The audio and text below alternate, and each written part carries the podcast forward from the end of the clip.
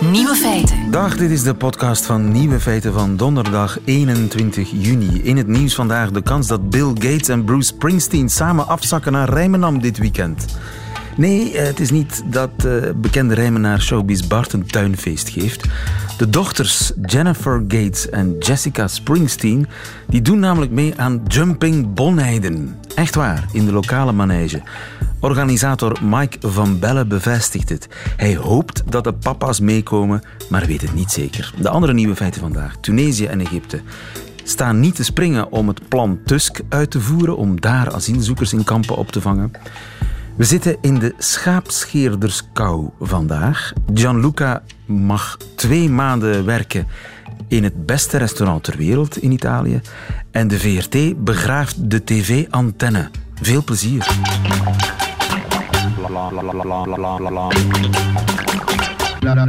Nieuwe feiten.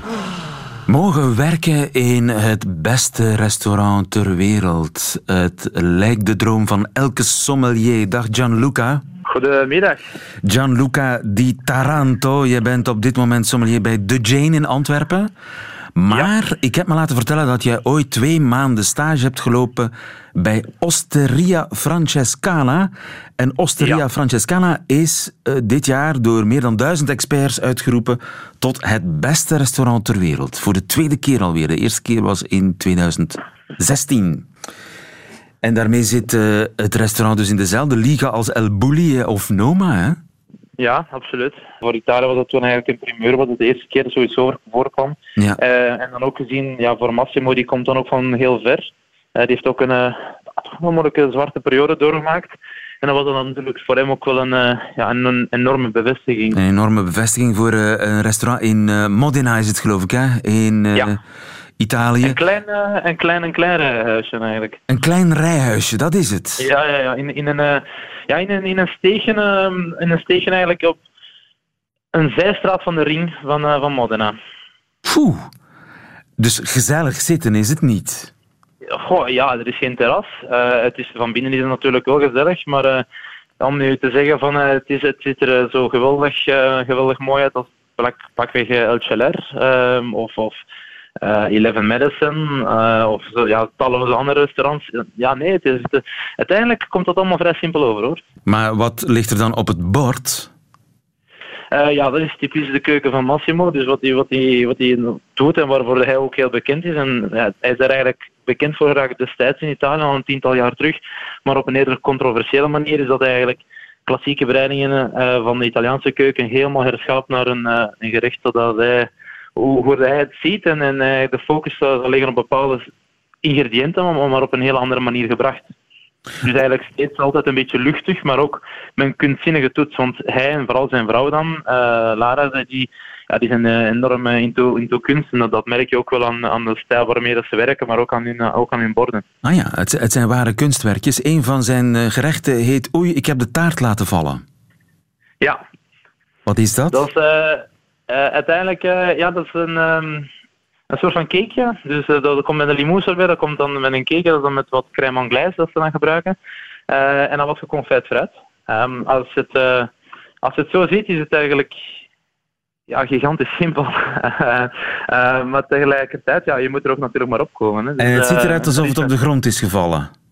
ja, dus, ehm, dus, zo is het Taka, dus de de chef, eh, een Japanner, maar die, die jongen is er nu al denk ik 15 jaar. Hele vriendelijke man. Die, eh, hij is de patissier en hij liet ooit eh, ja, per toeval eigenlijk een sertje vallen.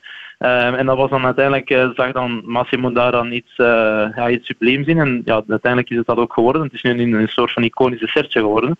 Ehm, nu, ja, nu brengen ze dat nog steeds. En dan wat ze dan doen is eigenlijk effectief de crème anglaise op het, op het bord smijten, om het zo te moeten zeggen. En dan vervolgens het, het, het, koekje uh, op de sorbet dan uh, te leggen en het vervolgens dan eigenlijk stuk te breken. En dan wordt het zo dan ook aan tafel geserveerd. Ja, gevallen dessert. Er is ook zwarte kabeljauw, begrijp ik.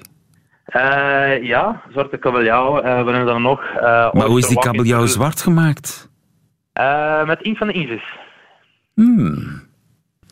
Je bent daar een paar maanden sommelier geweest. Is er iets wat je geleerd hebt? Um, Ja, als ik nu heel eerlijk mag zijn, en dat klinkt misschien nog een bot, eigenlijk heel weinig. Oei. ja, toch wel.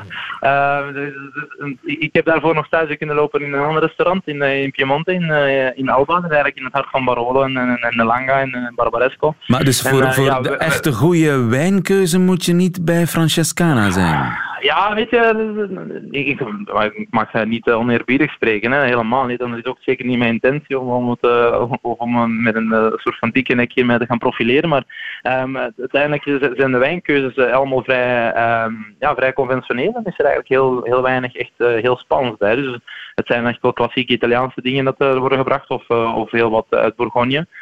Ehm, en ja, eigenlijk, uh, eigenlijk is dat, uh, blijft het daar een beetje bij. Ja, dat is, er zit zeker een cocktail ook uh, in het, uh, in het arrangement. Ja, dus er, um, er zijn nog aandachtspuntjes heb... voor Osteria Francescana. ja, dat is veel gezegd natuurlijk, maar goed, ja, dat is een punt van verbetering, dat, dat, dat, zou ik zeker zeggen. Maar natuurlijk, ja, dat is, nu spreek ik nogal ehm, ja. Recht uit het hart, zo hoort het voor een ja, Italiaan, ja, Gianluca. Uh, het, is, het, is, natuurlijk, het is en blijft uh, heel sterk wat, uh, wat Massimo en zijn team daar hebben neergezet natuurlijk. Uiteraard. jij bent sommelier bij de Jane nummer 89 op diezelfde wereldlijst, wat natuurlijk ook niet slecht is. Gianluca Di Taranto, dankjewel. Goedemiddag. Dank u, dank u. Dag. Radio 1. Nieuwe feiten. Met een antenne naar de VRT kijken, er zijn mensen die het nog doen. Weinig mensen, maar vanaf 1 december moeten ook die mensen de antenne de deur uitgooien. Want dan stopt de VRT met uitzendingen die je via de antenne kunt ontvangen. En daar komt protest tegen. Van Dominique Dekmijn onder meer. Goedemiddag, Dominique. Ja, goedemiddag. Collega bij De Standaard en antennekijker. Ik wist eerlijk gezegd niet dat dat nog kon. Uh, dat is inderdaad zo. Dat, dat, uh, dat hebben we gemerkt dat heel weinig mensen dat nog wisten. Maar de mensen die het wisten zijn er, uh, zijn er heel op gesteld. Het feit dat je gewoon gratis uit de lucht nog altijd televisie kunt plukken. Hè? Maar dat is toch geen klassieke antenne zoals in de jaren zeventig, hè? Nee, die, uh, de analoge televisieuitzendingen, de traditionele, zoals die van vroeger, daar is men uh, tien jaar geleden mee gestopt. Uh, er moest toen dringend bandbreedte worden vrijgemaakt voor andere nieuwe digitale dingen. maar op dat moment heeft men de mensen aanbevolen, koop gewoon zo'n klein antennetje van zo'n 20, 30 euro. En dan had je er meestal ook nog een decodertje bij nodig. En dat vonden de, de meeste mensen eigenlijk al te ingewikkeld. En de meeste mensen zijn toen massaal allemaal overgeschakeld. Uh, wie dat toen nog niet was, is dan, is dan Telenet uh, abonnee geworden. Zeg, maar jij uh, bent dus toch een techjournalist? Je bent toch helemaal digitaal en zo, en internet. En jij hebt een digitaal antennetje. Ik heb er wel eentje. Nee, ik moet nu eerlijk zeggen dat ik dat nu niet elke dag gebruik, maar dat heeft dan meer te maken met dat ik heel weinig live naar televisie kijk. En wanneer gebruik je het dan? Uh, wel, bijvoorbeeld, uh, wat je nu heel veel ziet, is, is mensen die nu uh, op een zonnige dag de televisie buiten zetten om naar een televisiematch te kijken. Dat kun je met de telenetkabel niet zo gemakkelijk versieren. Dus het is wel een handig ding. Ja, absoluut. En uh, mensen op camping, uh, mensen in de auto. Uh, als je tijdens, tijdens de, ja, dus de, de Ronde van Frankrijk gaat straks weer van, van start. Al die mensen die daar langs de kant zitten te kijken. En ondertussen ook op, op, hun televisieschermpje kijken waar de, waar de renners ondertussen gebleven zijn. dat is allemaal met DVB-T. Uh, DVB-T, ja, zo heet dat. Is DVB, ja, zo heet dat. De digitale televisieuitzendingen in Frankrijk heel erg populair en absoluut niet uh, op sterven na dood. Uh, maar hier bij ons heeft men opeens beslist van, ja, er kijkt toch haast niemand. En waarom kijkt er haast niemand? Omdat niemand ervan weet, omdat er amper over gepraat wordt. Men heeft dat altijd stilgezwegen. Uh, en dan haalt men het nu eventjes weg en dan zegt ja, kijk toch niemand, uh, dan stoppen we er maar mee. Ja, want als het zo'n geweldig handig ding is, waarom gebruikt niemand het dan? Je kunt het je afvragen, hè? Wel ja, omdat men er zo weinig over heeft gepraat. Het is ook wel zo dat uh, ja, het hoe we kijken is een beetje veranderd. Hè. Maar vooral denk ik toch wel, uh, we zijn traditionele eh, kabelkijkerland. Er zaten al heel veel mensen op de kabel. Er waren al niet meer zoveel antennes tien jaar geleden toen men met de analoge uitzending is begonnen. En op dat moment was, was digitaal kijken een beetje moeilijker, omdat de meeste televisies dat niet ingebouwd hadden. Vandaag, en dat weten weinig mensen, de meeste televisies die, die je hebt, en mijn televisie is bijvoorbeeld uh, ja, is ondertussen acht, acht, jaar oud, maar DVB-T zit daar gewoon ingebouwd. Dus al wat ik moet doen is dat piepkleine antennetje en ik bel die gisteren met iemand die zegt, ja nee, ik had zelfs geen antenne nodig, ik heb een klein draadje, een meter draad aan mijn televisie gehangen en hup, ik kan, kan VRT kijken. VRT, heel dat is het enige wat je dan nog kunt kijken, hè? Uh, wel, de, de zenders van de VRT zitten allemaal op DVPT gratis. Daarnaast kun je ook eigenlijk alle zenders, nou ja, de, de, de Vlaamse zenders, uh, VTM 4, 5, kun je allemaal kijken. Maar daar moet je uh, een, een decoder voor hebben en, en betalen. Nu, een, een, losse decoder hoeft eigenlijk niet meer. Zo'n decoderkaart volstaat wel. Maar dan moet je bij TV Vlaanderen zo'n Antenne TV heet dat, abonnement van 10 euro ja. uh, kopen. Dus dat kost wel geld, maar, maar goed, is stukken goedkoper dan uh, digitale televisie via de kabel. De VRT zegt, ja, geld steken in een dienst die niemand wil, dat is geld wegsmijten, dus dat doen we niet meer. We kunnen ons geld beter besteden. Ze hebben gelijk, toch? Uh, wel, dat hangt er maar vanaf hoeveel mensen het werkelijk gebruiken. Ik heb de indruk dat we dat gigantisch uh, onderschatten. Uh, vooral, ja, het, is een beetje, het is een beetje een trucje om te zeggen, ja, de er zijn maar 45.000 mensen die dat gebruiken als hun belangrijkste manier om te kijken. En bijvoorbeeld, ja, als ik nu in de tuin ga zitten met een, met een DVB-T-antennetje, dat, is, uh, dat is niet mijn belangrijkste manier van kijken. Dus dan tel ik al niet mee in die 45.000. Terwijl ik dat toch wel als ik een mis ervaar, dat dat dan uh, niet meer kan. Um, maar je kan toch altijd op de 4G kijken? Uh, ja, maar dat kost wel geld natuurlijk. Dat is het hele punt. Hè. Dus eigenlijk heeft de VRT volgens haar uh, beheersovereenkomst, dat zegt wat ze eigenlijk moeten doen, heeft de verplichting om te zorgen dat uh, het signaal voor iedereen ja, beschikbaar is en idealiter gratis. En nu dacht men, ja, maar er staat niet letterlijk in dat het via de ether moet gebeuren. Ach, maar onze website is toch ook gratis. Je kunt toch kijken op VRT Nu. En VRT Nu is een fantastische website. Dat is echt, echt absoluut prachtig. Maar ernaar kijken, ja, is niet gratis, want internet kost geld. En vooral, uh, internet... Uh, ja, als je, als je urenlang blijft kijken, als het de bedoeling is om elke dag te kijken, dan kom je er niet met je mobiel abonnement met uh, een downloadlimiet van 2 gigabyte per maand natuurlijk. Dan kun je misschien een paar uurtjes kijken, maar geen, uh, maar geen hele maand. Maar is er niet een soort van sociaal tarief voor kwetsbaren? Er zijn goedkope internettarieven. Er uh, ja, trouwens, het gaat niet alleen over kwetsbare mensen. Het gaat ook over mensen die gewoon zeggen van ja, maar ik wil helemaal geen telenetabonnement. Want het telenet stopt je al snel in formules van 70, 80 uh, euro per maand. Alles erin, alles erop. Uh, terwijl sommige mensen zeggen van ja, geef me nu maar gewoon internet, dat een beetje snel is. En liefst zonder een, een downloadlimiet, want daar zit het vaak. Die goedkope internetabonnementen hebben een downloadlimiet. Dus daar kun je prima heel maand rustig mee surfen. Uh, maar eenmaal dat je begint televisie te kijken, tikt het opeens veel te snel aan. Dus die abonnementen zijn eigenlijk zo ontworpen dat je er eigenlijk niet op tv kunt kijken. Wil je wel tv kijken systematisch via het internet, via iets als VRT nu, moet je plots naar de veel, veel duurdere internetabonnementen zonder uh, limiet gaan. Dat, ja. En dat kost je op jaarbasis gemakkelijk 200, 300 euro meer. Ja, 200 à 300 euro meer betalen per jaar is, is niet gratis. Ja, maar toch, uh, tv van de toekomst, dat zal via internet gaan, hè? Dat weet toch iedereen? Wel, kijk, er zijn, twee, er zijn twee manieren om te kijken. Het ene is, is uitgesteld kijken, wanneer je maar wil, on demand, à la Netflix.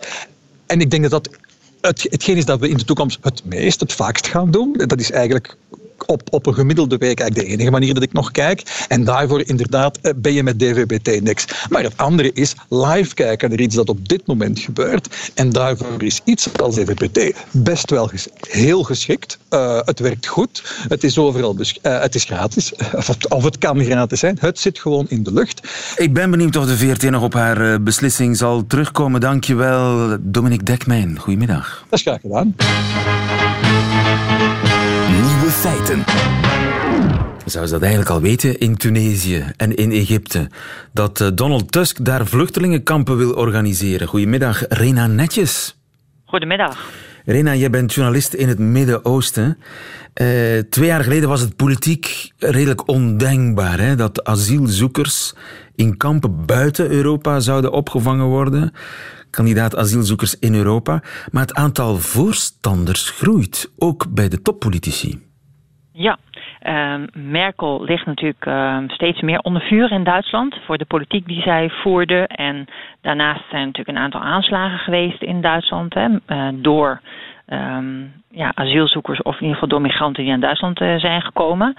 En uh, ik moet zeggen dat, dat vooral Duitsland eigenlijk al, en natuurlijk ook wel Italië, maar Duitsland is al een paar jaar bezig om te onderzoeken of er kampen in Tunesië en in um, Egypte kunnen worden um, uh, geïnstalleerd. Uh, in de zomer van, uh, van 2016 is de Duitse minister van Binnenlandse Zaken in Egypte geweest bij Alexandrië om dat te onderzoeken. Ah ja, dus de Duitsers hebben dat al onderzocht, maar Angela Merkel ja. is daar toch maar een zeer coole minnares van, van dat plan. Nou, zij is vorig jaar maart is zij naar Egypte en Tunesië geweest om uh, uh, over een migrantendeal te spreken. Ik moet zeggen dat wat ik van Duitse collega's hoor, um, dat de Duitsers het niet aan de grote klok zo heel erg hangen, hè, dat ze daar mee bezig zijn, maar dat er achter de schermen van alles wordt onderzocht. Maar de Tunesiërs die hebben heel duidelijk aangegeven dat ze er niets voor voelen.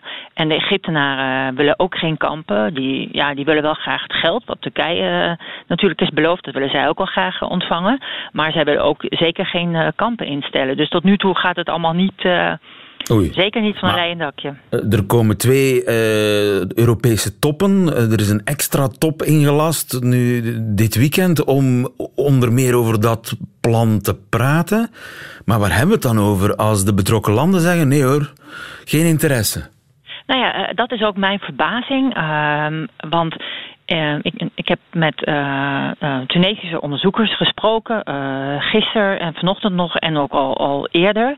En um, zij hebben me op gewezen dat uh, de Tunesische premier in, in, in, Duitse media vorig jaar al heeft gezegd dat ze er niets voor voelen. En wel om de volgende redenen. Dat is dat um, Tunesië al een paar honderdduizend vluchtelingen uit Libië herbergt. Dat zijn zowel Libische vluchtelingen als gastarbeiders uit dat land. Hè, die sinds 2011 um, zijn gevlucht naar Tunesië. Uh, daarnaast uh, is de economie natuurlijk heel slecht in Tunesië. En hebben ze ook Syriëgangers uh, daar groot probleem mee die terugkomen uit Syrië. En zij zeggen van ja, wij willen wel Tunesische asielzoekers die naar Europa komen. En, en die worden allemaal afgewezen zo ongeveer uh, terugnemen. Maar we gaan geen mensen uit derde landen herbergen, kampen inrichten. Want, want volgens ons brengt dat uh, mensensmokkelaars allemaal naar Libië. Trekt dat enorm veel dat soort activiteiten aan. En dat is een veel te groot risico voor de stabiliteit van het land. Er zijn ook nog geen transitie hè, sinds de revolutie. En uh, zij, ja, ze hebben zoiets van, uh, ja, het, het, geld is natuurlijk wel aantrekkelijk, maar we, we, kunnen ons dit niet veroorloven om dat op ons grondgebied uh, allemaal te herbergen. Ja, dat zeggen de Tunesiërs vandaag. Ja, dat zeggen de Tunesiërs, ja. Dat zeggen ze al een tijdje. Dat zeggen, ze zijn heel consistent erin. Ze blijven ze daarbij, ja. ze herhalen dat. En de Egyptenaren zijn misschien malleabeler? De Egyptenaren, um, dat is misschien wel hilarisch om een uh, anekdote te vertellen. Toen Merkel vorig jaar maart, begin maart in, uh, in Egypte en Tunesië dus was, was er een persconferentie met de Egyptische president Sisi. En uh, die zei dat Egypte 5 miljoen uh, vluchtelingen heeft. Dat is eigenlijk het aantal wat Turkije heeft.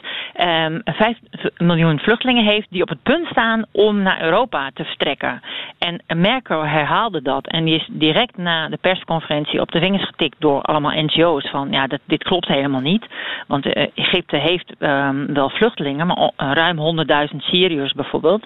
En ook wel een aantal Soedanezen natuurlijk. Maar die wonen daar al jaren en die staan zeker niet met z'n allen op het punt om naar Europa te komen. Het lijkt erop dat Sisi toch ja, probeert dat geld binnen te halen. Maar ondertussen kampen en zo uh, wijst de Egyptenaar ook resoluut af. Uh, wat er wel gebeurt is dat um, vooral de Duitsers en ook de Italianen uh, de Egyptenaren helpen met uh, grensbewaking. Dat daar geld en, en, en materieel naartoe gaat.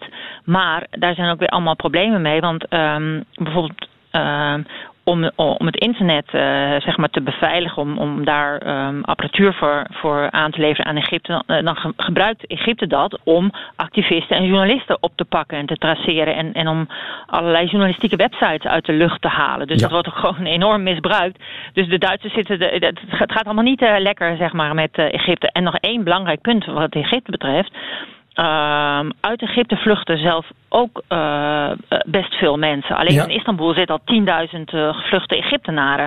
dat is dus, helemaal ironisch natuurlijk. Dat is wel ironisch, want wat doe je dan als je een boot terugbrengt naar Egypte en er zitten allemaal gevluchte Egyptenaren op, um, hè, die om, om, niet een, een politiek vonnis krijgen. Dus er zitten, al, er zitten enorm veel haken en ogen aan. Ik zie het nog niet zo gebeuren, zeg maar. En dan hebben we nog niet eens gehad over wie de afgewezen asielzoekers uit Tunesië of Egypte terug naar huis gaat brengen. Ja, en dat is eh, ook een probleem.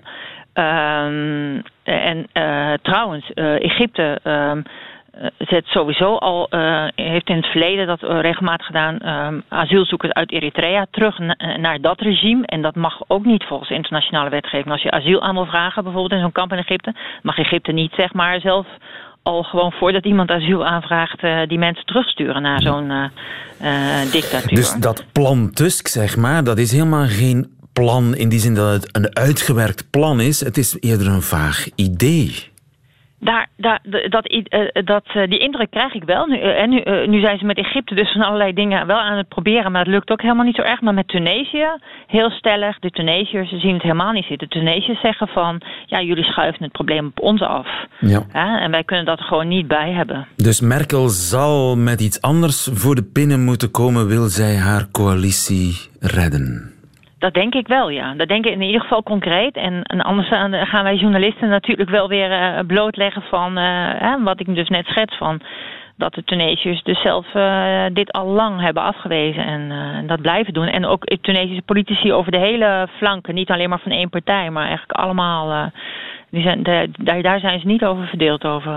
Ja om dit plan om, dat niet te accepteren. het zijn... En, en ik noem nog één ding, want uh, dat, wat, ze kijken ook heel erg, de Egyptenaren bijvoorbeeld kijken ook heel erg naar Turkije, uh, naar die Turkije-deal.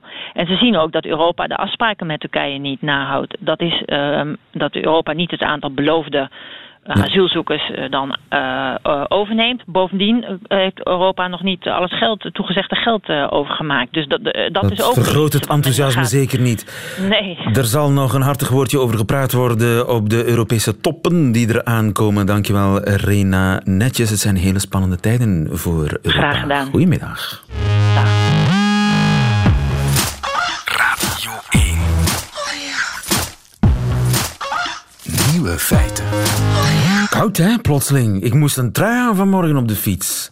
Gisteren nog 28 graden, vandaag 18.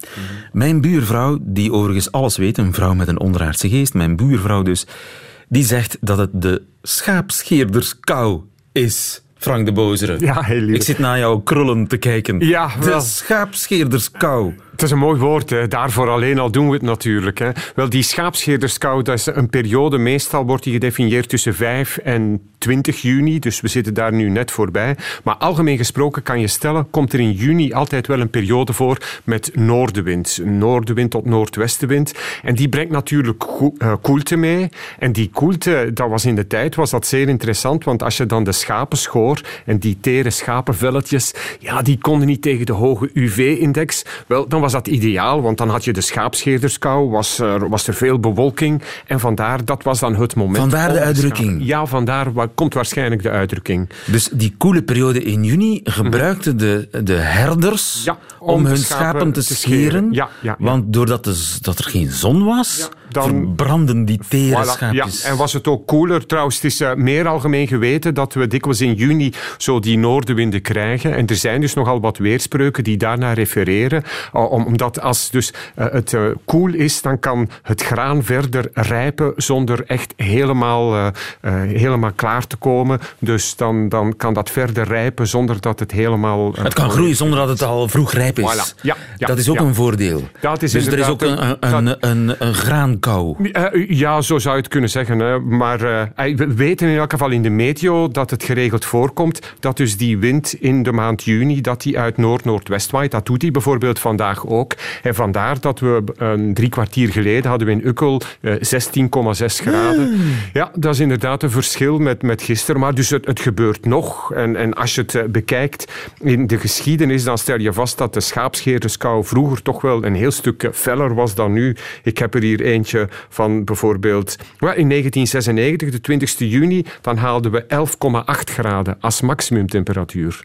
11 11,8 graden. Ja, ja, ja, ja. En de 7 juni 1871, weet je wel, dan was het 9,7 graden maximaal. Dus eh, ja, ook in het optreden van die, al dan niet optreden van die schaapscheerderskou, zie je toch wel dat het tegenwoordig gemiddeld gesproken een beetje warmer is dan vroeger. Jammer voor de schapen. Dus zelfs de schaapscheerderskou heeft te lijden van de opwarming van de aarde. Maar hij bestaat Ja, dus, echt. Ja, ja, dus hij bestaat echt. En of hij erover te lijden heeft, ja, is misschien een beetje kort door de bocht. Maar eh, ja, maar hij bestaat inderdaad echt wel. Dus eh, we kunnen het graan langer laten groeien zonder dat het rijp wordt. En hoe lang duurt hij nog? Hebben we daar enig idee Wel, we- ja, in feite is hij dus al voorbij. Wordt gedefinieerd tussen 5 en 20 Ja, maar vandaag, eh, dus Kijk, wel, vandaag dus- hebben we 16 graden, morgen... Wel, we gaan vandaag wel richting 18 graden gaan. Morgen en overmorgen zijn ook nog twee koele dagen. En dan eh, vanaf zondag wordt het geleidelijk aan warmer. En volgende week, lieve, dan geleidelijk aan gaan we richting zeer zomers, eh, wat hoogzomerweer.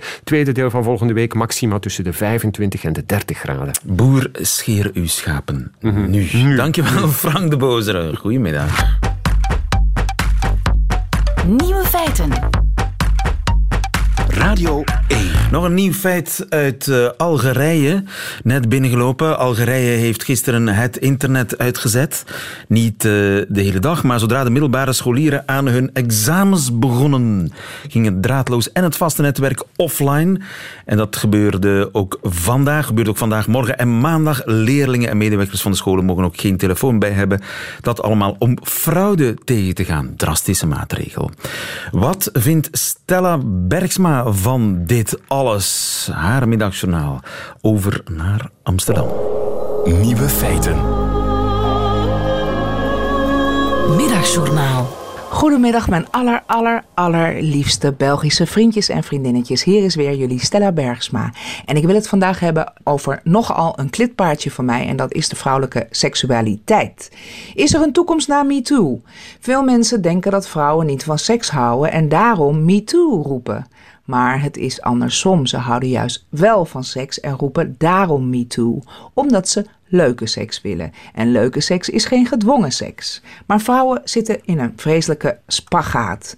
Als ze seks te leuk vinden, worden ze als beschikbaar gezien en later voor slet uitgemaakt. Daar krijgen ze sletvrees van. En als ze seks niet leuk vinden, worden ze als preutse trut bestempeld. Hun verlangens lijken nog altijd een verlengstuk van die van de man. Wat hun eigen seksualiteit is, weten ze vaak niet. Vrouwen liggen dus nogal met hun kut overhoop. En dat is waar mijn rol begint. Ik roep ze op om op zoek te gaan naar hun eigen begeertes. En hoe doe je dat? Heb lief en doe wat je wil, zei Augustinus. Heb seks, zeg ik. Stellatus Bergsmatus. Wees klitkundig. MeToo jezelf helemaal de moeder. Heb seks tot je schreeuwt van genot. Heb seks zodat mensen het aan je kunnen zien, alsof je jarig bent. Heb seks op het dak, in de goot, op de glijbaan, met bananen, touwen of de lamp van je oma. Met de loodgieter, met twee vrouwen op een driewieler. Tot je gromt als een beest, trilt als een riet. Het dondert niet. Laat je niet wijsmaken dat je niet deugt. Laat je niet vertellen dat je iets weggeeft. Je lichaam is van jou. Niemand kan de waarde ervan afneuken. Wij meisjes groeien op met nee. Leer jezelf ja. Want wie weet wat ze weet ook wat ze niet wil. Heb alleen seks als je wil. Bevrijd jezelf wel, verlogen jezelf nooit. Laat je niet wijsmaken dat je preuts bent als je van iemand niet geil wordt. Heb seks. Ongedwongen, onbetamelijk, onbeschroomd seks. Onbegrensd, onbesuist, onbevangen seks. Orgasmeer, nooit minder. Kom klaar voor je zusters. Neuk voor de emancipatie van de vrouw. Geniet alleen maar en wees voor altijd een slet zonder vrees.